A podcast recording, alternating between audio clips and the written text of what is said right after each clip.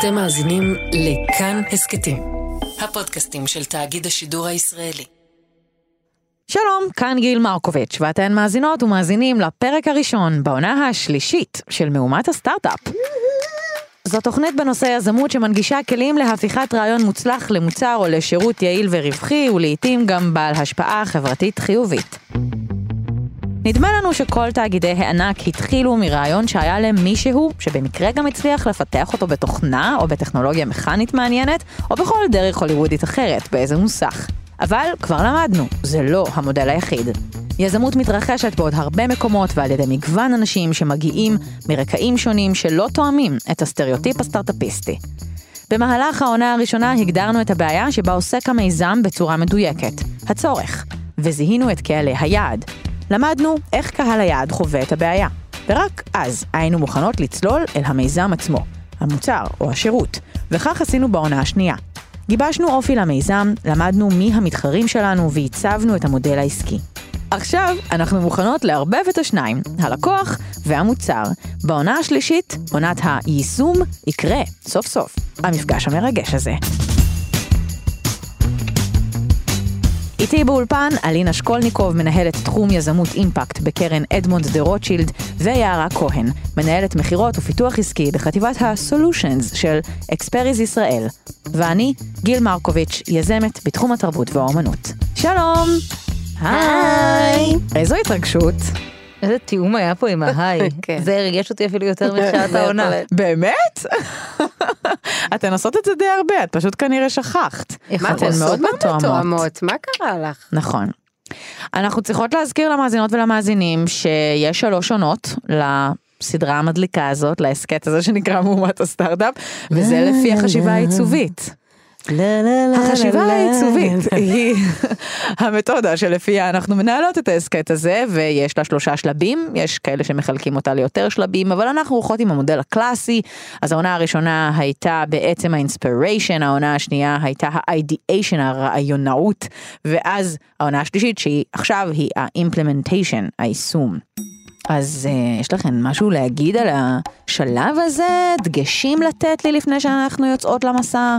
בעיקר שזה השלב באמת שה-money meets the road, כאילו אנחנו באמת אה, מתחילות אה, להתחייב בתהליך של היזמות למפגש לא רק התיאורטי עם הרעיון שלנו, אלא כבר ממש למפגש אה, פרקטי עם מוצר, וזה גם הזדמנות להזכיר למאזינים ולמאזינות שכשאנחנו עושות את התהליך הזה, אנחנו צריכות לזכור שאנחנו בשלב הזה כבר אולי קצת מאוהבות. במוצר או השירות שלנו, וחשוב שנזכור שלמרות שאנחנו עברנו תהליך אה, ארוך ומייגע בהתכוננות לשלב היישום, עבור הלקוח או הלקוחה זה בעצם המפגש הראשוני, וחשוב לשמוע את הפידבק שאנחנו mm. נקבל בשלב הזה באופן כנה ופתוח, ולא נהיה כבר מחויבות למהלך, למהלך למה שיצרנו, כן. Mm, מעניין, כי אמרנו את זה הרי בעונה הראשונה, שזה אחד הדברים שקורים ליזמיות וליזמים שהם פשוט מתאהבים ברעיון, ועכשיו זה חוזר באיזה מוגדל בריבוע כזה.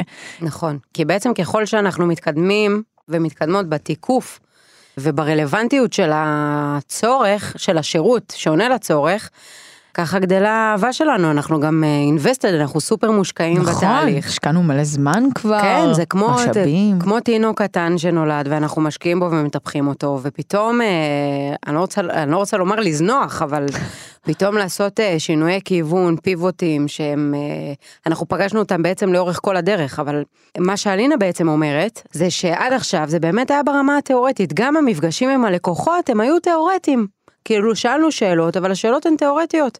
הן באות אה, לתקף הנחות. עכשיו אנחנו כבר ממש מלכלכות את הידיים ביישום. כן. כן, והדימוי של לכלוך כאן הוא מעניין, כי זה באמת מה שכנראה נצטרך לעשות. כן, תפשילו גם שרוולים. למוצר, כן.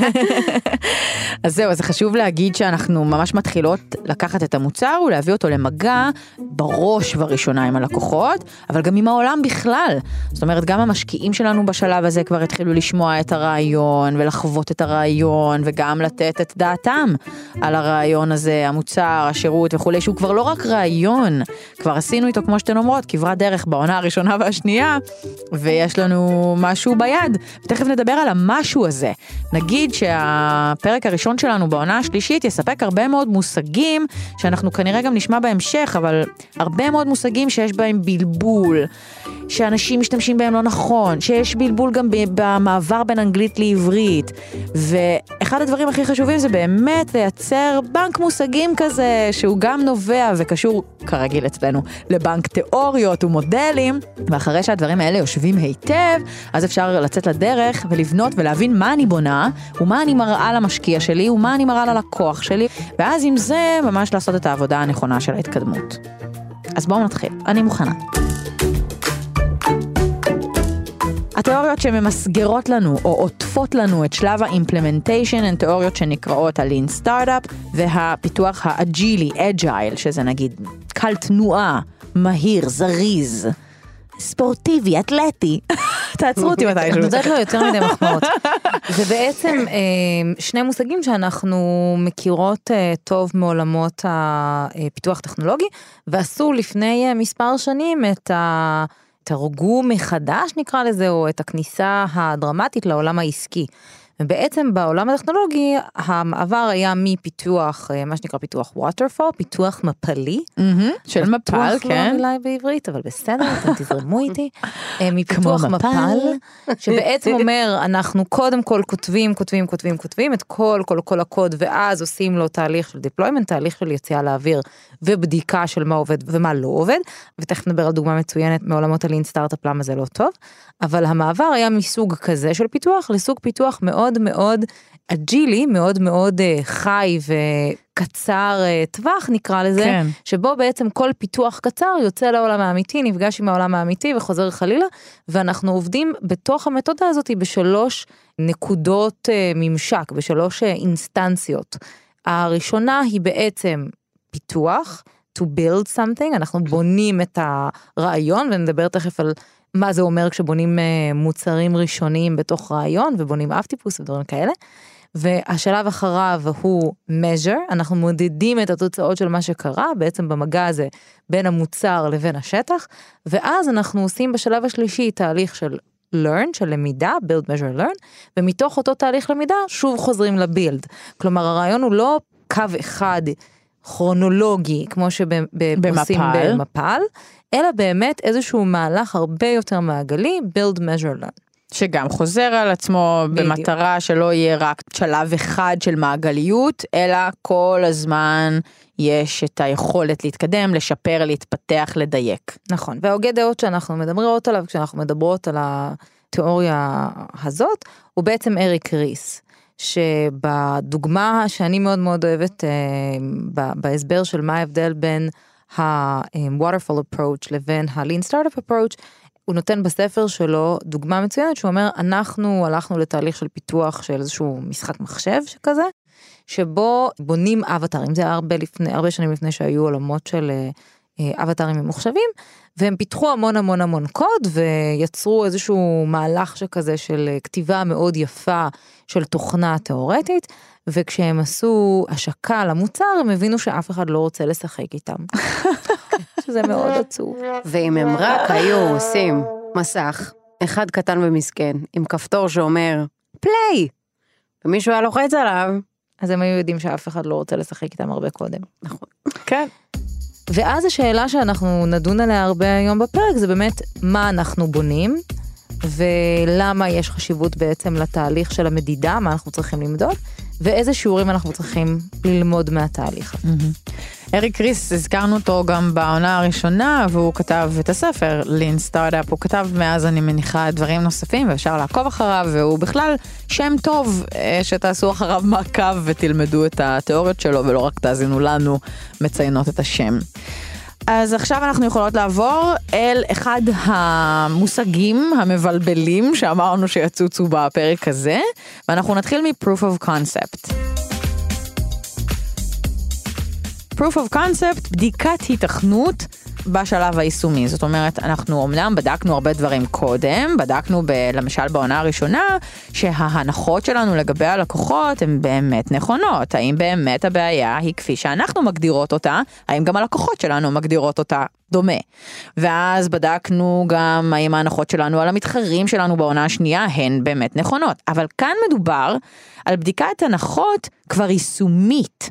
האם באמת, אם אני מחברת את הכבל למיקרופון, הוא יקלוט את התדר שיוצא לי מהקול, בקול, מהפה, ויהפוך אותו לאות שאפשר יהיה להשמיע. כן, זה הרבה פעמים נוגע באמת לרמה ההתנהגותית של הלקוח שלי. למשל, האם הוא יהיה מוכן לשלם על שירות מסוים. השירות mm-hmm. נראה לו מגניב, מכל השאלונים שערכתי וכל הסקרים שערכתי וראיונות, אני רואה שה, שיש צורך, ושמוצר כזה או שירות כזה עשוי לעניין אותו, אבל עכשיו השאלה היא האם הוא יהיה מוכן לשים על זה את כרטיס האשראי שלו. זה קונספט שאני רוצה לבדוק. לפעמים הקונספט הוא כבר קונספט מוכח.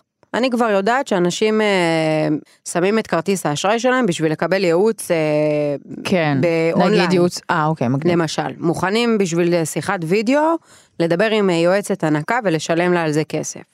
הקונספט הזה הוא קיים. אז אני אצטרך לבדוק איזה הנחה נמצאת בכל זאת אצלי במוצר, ועליה לעשות את ה-proof of concept, זאת אומרת לא לבזבז את המשאבים שלי על proof of concept שכבר קיים, שאני יודעת שעובד. בדיוק. בה- בהנחה שיש כזה, וכנראה שיש כזה. כן, ב- כן. בעולם המוצרים שאנחנו חיים בהם היום, כנראה שיש משהו שהוא ליד, גם אם הוא לא אחד לאחד אותו מוצר, יהיה אח, יהיה משהו שדומה לו. אז אנחנו באמת רוצים לבדוק את הרמה ההתנהגותית, לפעמים גם הרמה היא, היא רמה טכנולוגית, ישים או לא ישים טכנולוגית.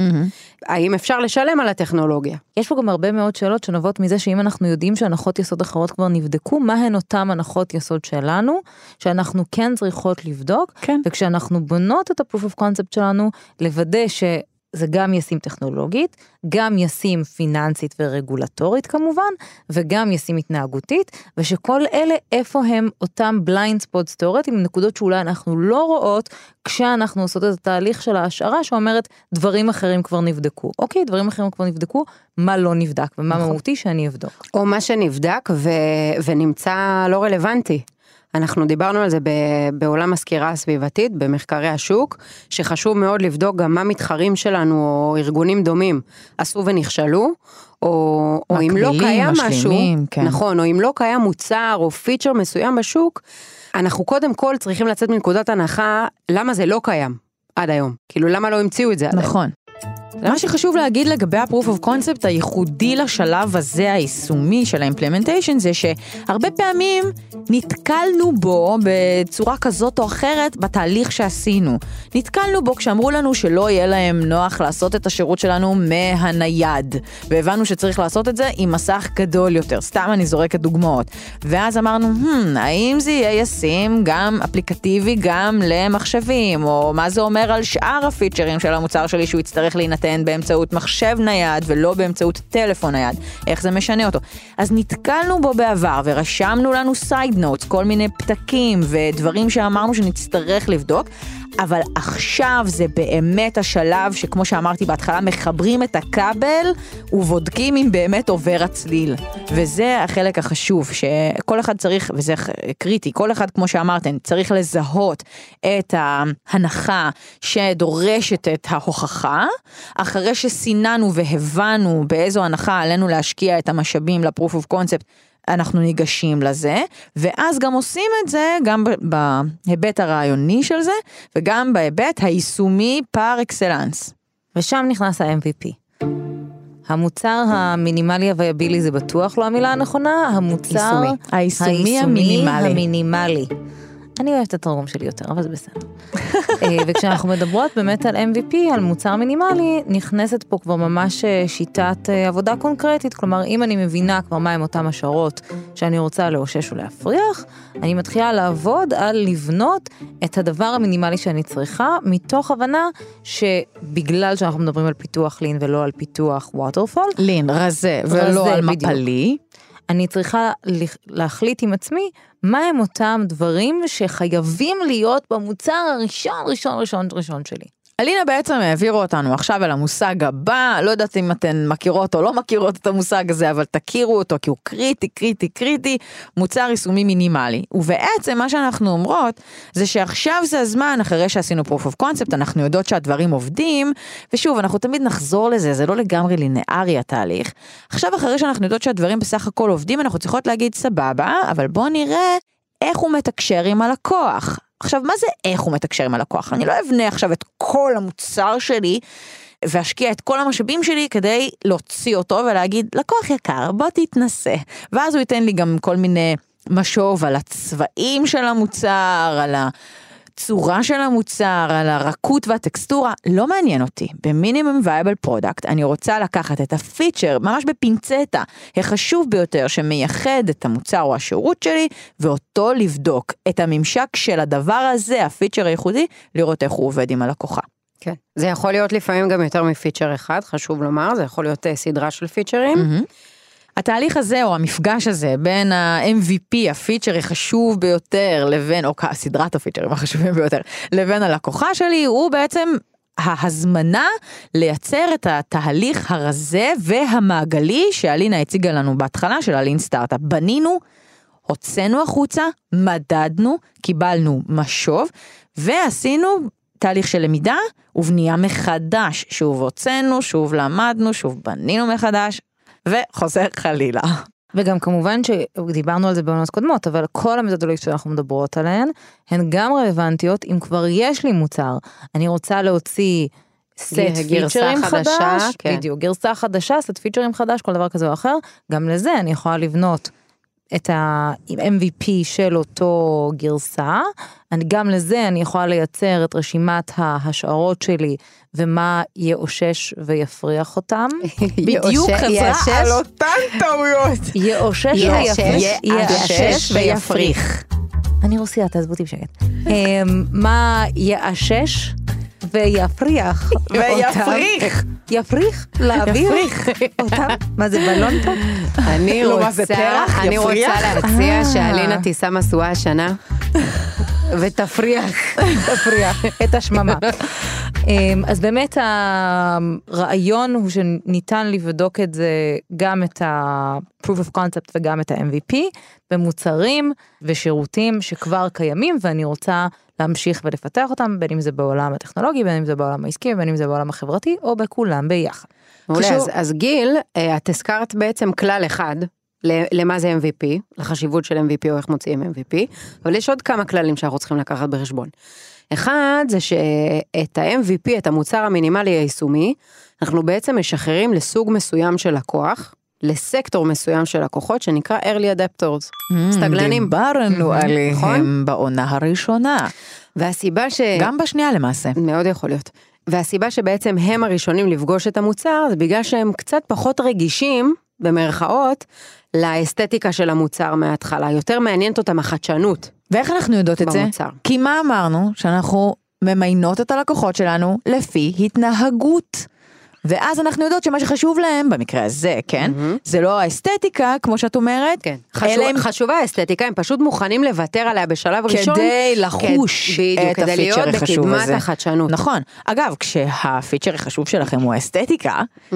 אז אתם תבחרו אנשים שההתנהגות שלהם היא לפי הפרמטרים האסתטיים. בדיוק, בדיוק. כן. אז זה אלמנט נוסף, נדבך נוסף שאנחנו צריכות לקחת בחשבון ביציאה ב- לדרך עם MVP. אלמנט נוסף שדיברנו עליו שהוא מאוד מאוד קריטי ללולאה הזאתי. כן. של... אה, בנייה, מדידה, למידה. בדיוק, זה בעצם להגדיר מה נחשב כהצלחה ומה נחשב ככישלון, ואיזה פרמטרים בעצם אני לוקחת בחשבון בתהליך המדידה שלי, והסיבה שאני לוקחת אותם בחשבון מראש, היא כדי לא לפספס אותם בדרך. אני לא יכולה להיכנס לתהליך של MVP, ואז בקצה שלו להגיד, hmm, רק שלושה משתמשים עשו XYZ, אז איפה זה שם אותי? לא. אני נכנסת לתוך התהליך כשמוגדר לי מה אני מצפה שיקרה, ואם קורה X, אז אני הולכת לכיוון אחד, כן. ואם קורה Y, אני הולכת לכיוון אחר. כמו מחקר אקדמי קטן. כן? ו- וקצר טווח. כי, כי גם כאן נמדדות הנחות, אמרנו, אנחנו נכנסות לתוך התהליך עם הנחות מסוימות. נכון. אני אז אגיד בכוכבית שהרבה פעמים אנחנו נוהגות לחשוב על השלב הזה בתור שלב שכמו שאר השלבים שדיברנו עליהם עד עכשיו, הוא לא מכניס כסף, אבל זה לא בהכרח נכון. MVP זה כבר השלב שאולי אפשר להתחיל לבקש תשלום על הדבר הזה, שהוא לא המוצר השלם, נכון, אבל הוא כן מספק ערך ללקוח. ולכן זה כן שלב שתלוי איפה אתם בדיוק, תהיו רגישים לזה, ייתכן שתוכלו לבקש עליו אה, תשלום. מה שיערה עכשיו אמרה מוביל אותי להזכיר את תיאוריית ה-RAT. כי אנחנו רוצות לדבר על מהו המדד שלי להצלחה ואיך להיכנס לתהליך של הבנייה, מדידה, למידה. אז מה זה RAT? אז RAT בעצם מכניס אותנו לעולם עוד יותר אה, מדויק נקרא לזה מה-MVP, שאם ב-MVP אנחנו בודקים את ה... פיצ'ר שנראה לנו הכי חשוב, אז ב-RET, ב-Riskiest Assumption Testing, אנחנו בודקים מה הם ההשערות המסוכנות ביותר עבורנו. אם אנחנו יוצאות לדרך עם רשימה של השערות שאותן אנחנו הולכות לבדוק, ברט אנחנו אומרות לא רק מה המכלול של ההשערות, אלא אילו הן ההשערות המסוכנות ביותר, כאלה שבמידה mm. ואני אגלה עכשיו בשטח שהן לא פוגשות את המציאות והלקוחות שלי לא מעוניינים בדבר הספציפי הזה שאני מציעה שאותו זיהיתי בתור בעל הפוטנציאל הכי גבוה, לדוגמה יש לי פטנט כתוב על איזשהו דרך שימוש מסוימת ואני יוצאת לדרך ומגלה שאף אחד לא רוצה להשתמש בדבר הזה. כמו האבטר? כמו האבטר. מצוין. אז בדברים האלה זה ה-riskiest assumption, כי זה אומר שאז אני צריכה להתחיל את הכל מאפס. את התהליך האקדמי שיערה תיארה, את אומרת נכון, ואפילו צריך לתעדף, להגיד איזה מבין המדדים להצלחה והמדדים המסוכנים הם המסוכנים ביותר והם המצליחים ביותר, ומה אני עושה כשאני פוגשת את הצמתים האלה כן. של איזושהי הנחה שלי שלא מתממשת, או הנחה שלי שמתממשת, ואיך כן, אני פועלת בהתאם. פשוט גם תהליך של ניהול סיכונים, מה הסבירות שיקרה משהו מסוים, בסדר, יש הרבה גורמים שבסוף אה, כוחות השוק שפתאום השתנו. לא יודעת, יכולים לקרות מלא. ונחשו איך עושים את זה, אז עושים את זה בעזרת לשבת עם הצוות, לחשוב הרבה זמן מראש, משמע brainstorming, ויש לי תחושה שכבר שכחתן איך צריך לעשות brainstorming נכון, יעיל, מניב, אז פרק 2, עונה 1. כן, רק שתדעו שכשהמיקרופונים סגורים, אנחנו רבות פה מכות באולפן. זה גילוי נאות, אני מבינה. במסגרת ה brainstorming הפרודקטיבי שלנו כמובן. בהחלט, עובדה שיש תוצאות. אז אנחנו ניתן לכם דוגמה, כדי שהדברים לא יאמרו רק באיזושהי רמה אמורפית. אנחנו נדבר על מובייל ODT. הזכרנו את המיזם הזה בעונה הקודמת, אנחנו נזכיר מה הם עושים. מובייל ODT זה מיזם שהוא בתחום הרפואה, בעולם הרפואה, והוא נשען על ההשערה של 7 אה, מיליארד אנשים בעולם יש גישה לטלפונים חכמים, שזה רוב אוכלוסיית העולם, ולחמישה מיליארד אנשים בעולם אין גישה לרופא מומחה. לרופא מומחה עם המכשור המתאים וכולי, שיכולים לתת חוות דעת. אז המשימה של הארגון הזה, של הצוות, הוא לאפשר לצוותים רפואיים שאינם מומחים, לבצע בדיקות, שהן בדיקות מאבחנות, ברמה של רופא מומחה. ואז אפשר יהיה איכשהו, תכף אנחנו נסביר, לשלוח את הבדיקה הזאת, לקבל חוות דעת של רופא מומחה, מבלי לטוס למדינה אחרת או לעיר גדולה. אנחנו כמובן מדברות על אזורים כפריים, אזורים מרוחקים מיישובים גדולים. מובייל ODT בעצם מתעסקים בבעיה רפואית מסוימת, נקודתית, של אבחון סרטן צוואר הרחם. בשלב הזה יש להם כבר פיתוחים אה, סביב אה, בעיות אחרות. המוצר הראשון שאיתו הם יצאו זה אווה סיסטם, והיא בעצם עושה בדיקת אה, קולפוסקופיה. בדיקה של צוואר הרחם. כן, בדיקה של צוואר הרחם, שכן מצריכה רופא מומחה ומכשור מסוים כדי לבצע אותה. זה אה, נכון להגיד, היום גם גניקולוג רגיל אה, במכשור שיש לו במרפאה, הוא לא יודע לעשות את הבדיקה הזאת. Mm-hmm. צריך מומחה, רופא מומחה, ויש לו מכשור מסוים שיודע לעשות את הבדיקה. יעני, התור המיוחד, לא התור הרגיל שאתן קובעות. התור של הששת אלפים חודשים? כן, כזה. מערכת אווה בעצם מורכבת משלושה חלקים, אנחנו נתחיל מתחנת הקצה שלה, תחנת הקצה שלה היא מערכת אה, מונחת AI שאליה, אה, artificial intelligence, כן, שאליה בעצם מגיעה התמונה ו- ואותה היא מנתחת. והיא יודעת להגיד ברמת דיוק מאוד מאוד מאוד גבוהה. פשוט טכנולוגיית הדימות הזאת היא קיימת היום ברמה מאוד גבוהה והיא יודעת mm-hmm. להגיד יש או אין סרטן. אוקיי. Okay. או יש נגע מסוים שצריך לבדוק אותו הלאה. אבל היא יודעת לעשות את האבחון הראשוני ברמה מאוד מאוד גבוהה, זו תחנת הקצה.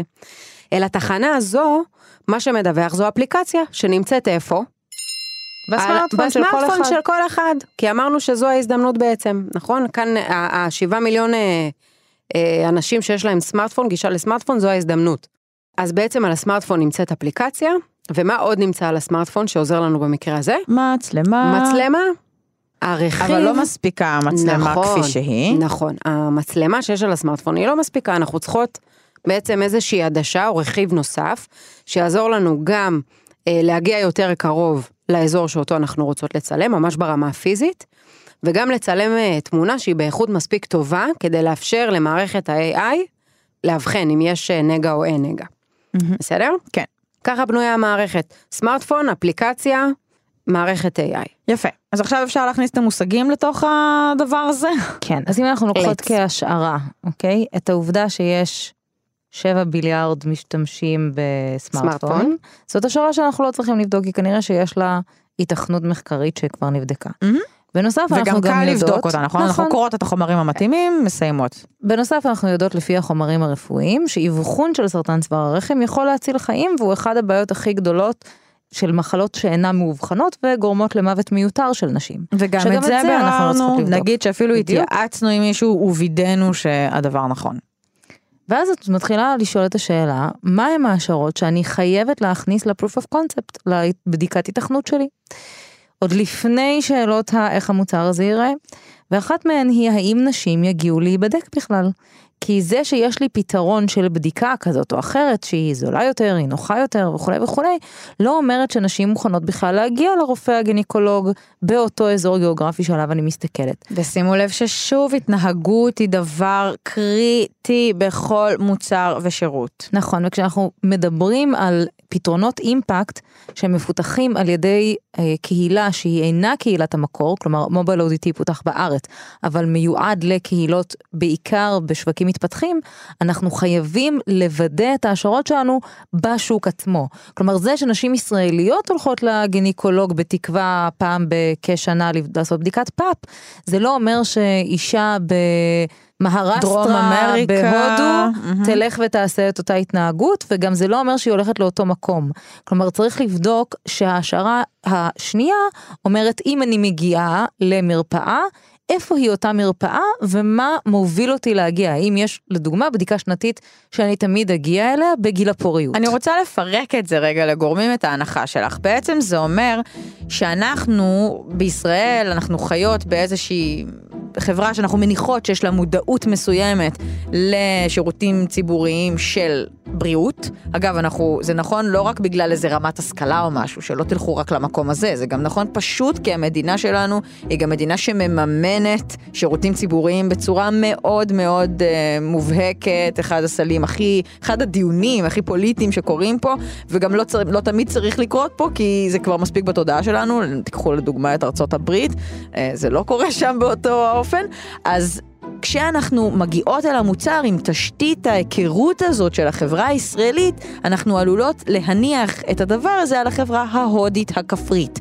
או על החברה הצ'יליאנית הכפרית. וכך אנחנו בדיוק יכולות לשחוט לעצמנו את המוצר. אז זאת הנחה שאנחנו חייבות לבדוק. דרך אגב זה הרבה מאוד קורה בחברות שבהם אה, יש גברים שמפתחים מוצרים לנשים בגלל ששוק הצרכניות בעיקר באי-קומרס מתפתח בצורה שהיא מטורפת. כשאין אישה בצוות, אנחנו מכירים הרבה מאוד case studies שיצאו בחמש, שש שנים האחרונות, של מוצרים שיצאו משווקים לנשים, ובעצם גרמו לתופעה הפוכה בדיוק, שנשים מסרבות לצרוך אותן בגלל השיווק, בגלל מה שיש בתוך המוצר, בגלל האלמנטים שקיימים במבנה העיצובי או הפרקטי שלו, ולכן כשאנחנו בעצמנו לא מייצגות את הקהילה שבה אנחנו רוצות לעבוד, חשוב מאוד שנשלב את אותה קהילה בתוך הצוות כן. המקים. כשניתן, וגם אם לא, אנחנו חייבות לוודא שיש לנו נוכחות בשטח. ואכן, למובייל אודיטי יש באמת נוכחות לא רק בישראל, אלא גם בהרבה מאוד ממדינות היעד שבהם הם עובדים היום. ששם אמור לעבוד המוצר, בדיוק. כן, כבר עובד המוצר. אז זה ה-proof of concept, זאת הייתה הדוגמה, ואז אנחנו יכולות להתקדם אל האב טיפוס שלנו. מהמם. אב טיפוס, hmm, לא אמרנו להם מה זה אב טיפוס, אז עכשיו תלמדו מה זה אב טיפוס חברות וחברים. זה לא המוצר המוגמר השלם שיוצא לשוק ואפשר לבדוק אותו ואז לעשות את תהליך המעגלי כזה של אה, בנייה, מדידה, למידה. לא. אב טיפוס זה המוצר במרכאות הטיפשון. הוא רק מדמה, הוא ממש הדמיה של מה שאני רוצה שיקרה. למי הוא בעצם מיועד אם הוא לא עושה שום פעולה? אז קודם כל לנו כצוות, בהבנה שלנו של איך המוצר אמור להיראות, איך רוצים שהוא ייראה, מה פיזית. רוצים שהוא יעשה. כן. כן, זה, זה, הוא יכול גם לבוא בכל מיני צורות, ממש mm-hmm. כמו MVP או, או Proof of Concept. הוא יכול להיות אה, דיגיטלי, הוא יכול להיות אה, ממש פיזי ברמת אה, מוצר מודפס במדפסת תלת מימד, אהה. הוא יכול להיות סרטון, הוא יכול להיות אה. כל מיני דברים, הוא יכול להיות... אז גם הדמיה גרפית, זאת אומרת כן, גם... כן, גם מוקאפים, גם כשהיום את רוצה להוריד אפליקציה מה App Store שלך, את רואה איך האפליקציה נראית, את לא, היא לא, היא לא ישימה בשום צורה. כן. בסדר, אז הנה קודם כל דיברנו על אה, שימוש אה, אחד של אב טיפוס. הוא כן מאפשר לי באיזושהי צורה לתקשר עם לקוח, כן. כשכבר יש מוצר. או עם הצוות או עם המשקיעים והמשקיעות שלי. בדיוק, או עם וזה לא פחות הצוות. חשוב עם הצוות. בטח. פנימי זה סופר חשוב, כדי שנוודא שאנחנו מדברות על אותו דבר, שאנחנו לא עושות אי הבנות משוגעות, ואז כשנצא אשכרה לבנייה, אז יהיה שוב ויכוחים, נכון. ונעכב לעצמנו את התהליך. נכון, עכשיו נאמר שגם הסוגים השונים של, ה, של אבות הטיפוס, של ה prototypes השונים, הם גם אה, רלוונטיים לקהלים שונים, כן, אם עכשיו אני פוגש משקיע slash אה, מדבר עם הצוות שלי, וגם לא כל מוצר צריך כל סוג של prototype, כן, בסדר? כן. הרבה פעמים אנחנו נפגוש בעולם ה medical devices, כמו למשל MobileODT, שאנחנו תכף נספר איך היה נראה האב טיפוס שלו. אה, לא, לא כל מוצר צריך אה, אה, אב טיפוס פיזי, לפעמים נכון. גם הדראפט, גם הטיוטה שאנחנו מקשקשים לנו במשרד, בשביל להבין את הפלואו, את הזרימה המסוימת של איך המסכים באפליקציה שאנחנו מפתחים תיראה, או איזה מנות אנחנו נשים על השולחן במסעדה החדשה שאנחנו פותחים, זה מספיק. זה מספיק. כן. נכון. כל, בקיצור, כל צוות או כל עסק קטן מתחיל, מיזם כזה, צריך לחשוב מה יהיה האב טיפוס הנכון בשבילו, גם לפי את מי האב טיפוס צריך לפגוש, את הצוות, את המשקיע וכולי. וגם לפי הפיצ'ר אה, שאנחנו רוצים אה, לבחון אותו. ואז כשאנחנו ממש נרצה לבחון אותו ברמה יישומית, שיפגוש ממש את הלקוח, אז נעבור ל-minimum viable product, אבל הם יכולים שוב לקרות גם נכון. במקביל לתהליכים האלה, זה נכון. לא- זה לא כרונולוגי. נכון, אז כל אז- עוד עשינו את רשימת ההשערות שלנו, מראש, נכון. ומראש, ואנחנו יודעים מה התהליך שאנחנו רוצים לראות, מה ייחשב כהצלחה וככישלון, ואז אנחנו יוצאים לתהליכים האלה. כן. אבל תמיד אל מול רשימת ההשערות שלנו המתועדפת, והבנה מאוד ברורה של מהי הצלחה ומהי כישלון בהקשר הזה. נכון, אז בואו נסתכל על מובייל ODT. האב טיפוס שלהם היה אשכרה לקחת חתיכות פלסטיק לא מתפקדות, בלי העדשה המתוחכמת שהם רצו שהיא זו שתעשה את הפעולה של הצילום באיכות גבוהה, אלא ממש רק להראות כמה קטן המכשיר, כמה הוא גמיש ביכולת שלו להגיע אל תוך צוואר הרחם ואז גם לצאת, ממש ברמה הכי פשוטה, וזה לא תפקד, זה לא נתן את התוצאות, זה רק הדגים. וזה הספיק, זה נכון. הספיק כדי אפילו לעשות פיץ' ולהראות את המוצר. נכון, בשביל לנסות אפילו להבין אם, אה, אם עכשיו אחות מסוגלת אה, להחזיק את זה. אם זה סוג של אה, סביר בהרגשה שלו בגוף. כל מיני דברים קטנים כאלה שהם אה, עוד לפני שאנחנו מפתחים לגמרי את המוצר. כן, וזה במקביל כשאנחנו יודעות שצריך למצוא את העדשה הנכונה וכולי, והתייעצנו עם האנשים המתאימים, וזה אחד הפיצ'רים החשובים שלנו, אז כשנגיע ל-MVP נצטרך לבדוק שהעדשה אכן עושה את העבודה. נכון. ושהיא יכולה להיות בגודל המתאים של הקוטר של הצינור שנכנס לצוואר הרחם. נכון. ושכל הדבר הזה גם עולה בצורה שהיא הגיונית לתוך כל התהליך. כלומר, אנחנו עושים שוב בדיקה של ההתנהגות, בדיקה של הטכנולוגיה, היישומית הטכנולוגית, ובדיקה של היישומיות הכלכלית של התהליך. הם, הם תמחרו את זה לדעתי באלף דולר לערכה כזאתי, אם אני לא טועה. MVP במקרה של מובייל ODT זה למשל איכות התמונה. חייבים לוודא את איכות התמונה, סבבה, הבנו שזה נוח, הבנו שזה נוח ש- להחזקה. שכאן יש שאלה בעצם מעניינת, כי יכול להיות שהאיכות של התמונה היא בכלל אה, POC.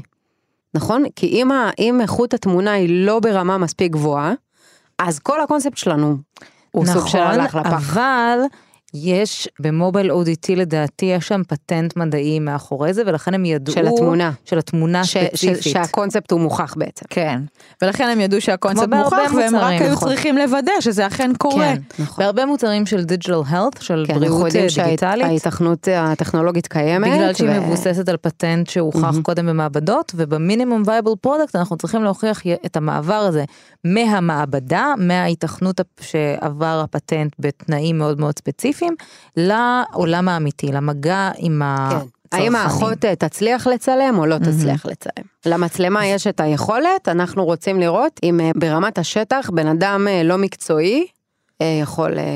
ואז הרט, בגלל שהמוצר הזה מיועד באופן מובהק לשווקים מתפתחים בעיקרו, ברט עצמו אנחנו חייבים לוודא שיש דרך קודם כל להגיע עם המוצר הזה לשטח, כלומר האם הדבר הזה אפילו ברמה הבסיסית אפשר לשלוח אותו למקום אחר, או שאני חייבת בכל מקום לפתח אותו מאפס. כן. האם אנשים מבינים את השימוש של הדבר הזה, או שבכל מקום אני צריכה לעשות הכשרות וכולי וכולי. דרך אגב, מובייל אודיטי גילו שכן, התשובה לזה זה שצריך לעשות הכשרות בשטח לצוות הרפואי בשביל השימוש כן. של המוצר. הטמעת מערכת בעצם. בדיוק, כן. אבל כשעובדים עם רשתות של קליניקות רפואיות בשטח, בעצם אפשר לעשות כמו מקרו הכשרות, להכשיר את כל האחיות ביחד. כל הדברים האלה בעצם מאפשרים לנו להבין מהם הסיכונים הכי גבוהים, ולבנות לעצמנו את התהליך שמתעדף את מה אנחנו קודם כל בודקות בשטח. כן, זה בהקשר של ריסקיסט, מה הכי מסוכן. מדליק. עם המידע הזה, אנחנו אשכרה יכולות להתחיל לחשוב על הצלחה של המוצר, בהנחה שעברנו את כל השלבים, ואז להתחיל לבנות לו תוכנית עסקית, תוכנית פיננסית. נכון. ונאמר את מה שאנחנו אומרות, לדעתי, בכל פרק. חבר'ה, הדברים תשארו, גמישים. הדברים גמישים. לא, אני חושבת ש, שבאמת באינטראקציה מול הלקוח זה ההבנה אה, שפשוט צריך להיות open minded, צריך אה, כצוות להיות מסוגלים להכיל שינויים על המוצר או השירות, כן. כי בסופו של דבר החיווי שאנחנו נקבל מהלקוחות, זה הם, הם לב ליבו של המיזם. כאילו, אם לא הם, לא, לא אנחנו, אז ואם לא הבנתם שום דבר מהמושגים שדיברנו עליהם על הפרק, אז ה takeaway הזה של יערה, הסיכום של יערה, זה מה שהכי חשוב. לא משנה אם אתם יודעים אם זה אב טיפוס או MVP או RAT או whatever, לא משנה מה, איך אתם קוראים לזה, איך אתם מגדירים לזה, מה שחשוב הוא התהליך. אנחנו רוצות לוודא שהלקוחות שלנו רוצות באינטראקציה עם המוצר בתצורה שבה אנחנו מדמיינות אותה. אנחנו מגדירות את ההשערות שהכי חשוב לנו לבדוק, מגדירות הצלחה וכישלון מראש, הולכות לבדוק את זה בשטח, מה שנקרא נותנות להם הכל. לשחק עם זה. בדיוק. מס- מתבוננות בשקט מהצד, בלי להגיד, לא, לא לא ככה." ככה. כמו שלמדנו בחשיבה עיצובית, אנחנו לא מתערבות באינטראקציות של הלקוחות עם המוצרים, ואחרי שהלקוחות שלנו עברו את התהליך הזה מול המוצרים, אנחנו חוזרים עם עצמנו למעבדה, בודקים האם התהליך שעשינו הוביל להצלחה או לכישלון, ושוב, אחרי שבנינו ומדדנו, עושים תהליך של למידה, וחזרה. לבנייה. הידד פרק ראשון, תודה רבה שהאזנתן לנו, תודה לכן אלינה שקולניקוב, ותודה לך יא... מה? תודה לכן אלינה שקולניקוב, ותודה לך יערה כהן, כמה את אלינה? אני הרבה, אני רויאל וויק. זה הרויאל וויק. תודה רבה לכן שהאזנתם, תודה אלינה שקולניקוב, תודה יערה כהן, יבגני לזרוביץ', טכנאי השידור שלנו, אסף רפפורט, עורך הסאונד, תודה רבה לי. אני גיל מרקוביץ'. מרקוביץ'. ותודה לירדן מרציאנו כמובן, שהיא תמיד מעלה את התוכניות שלנו לשידור. להתראות.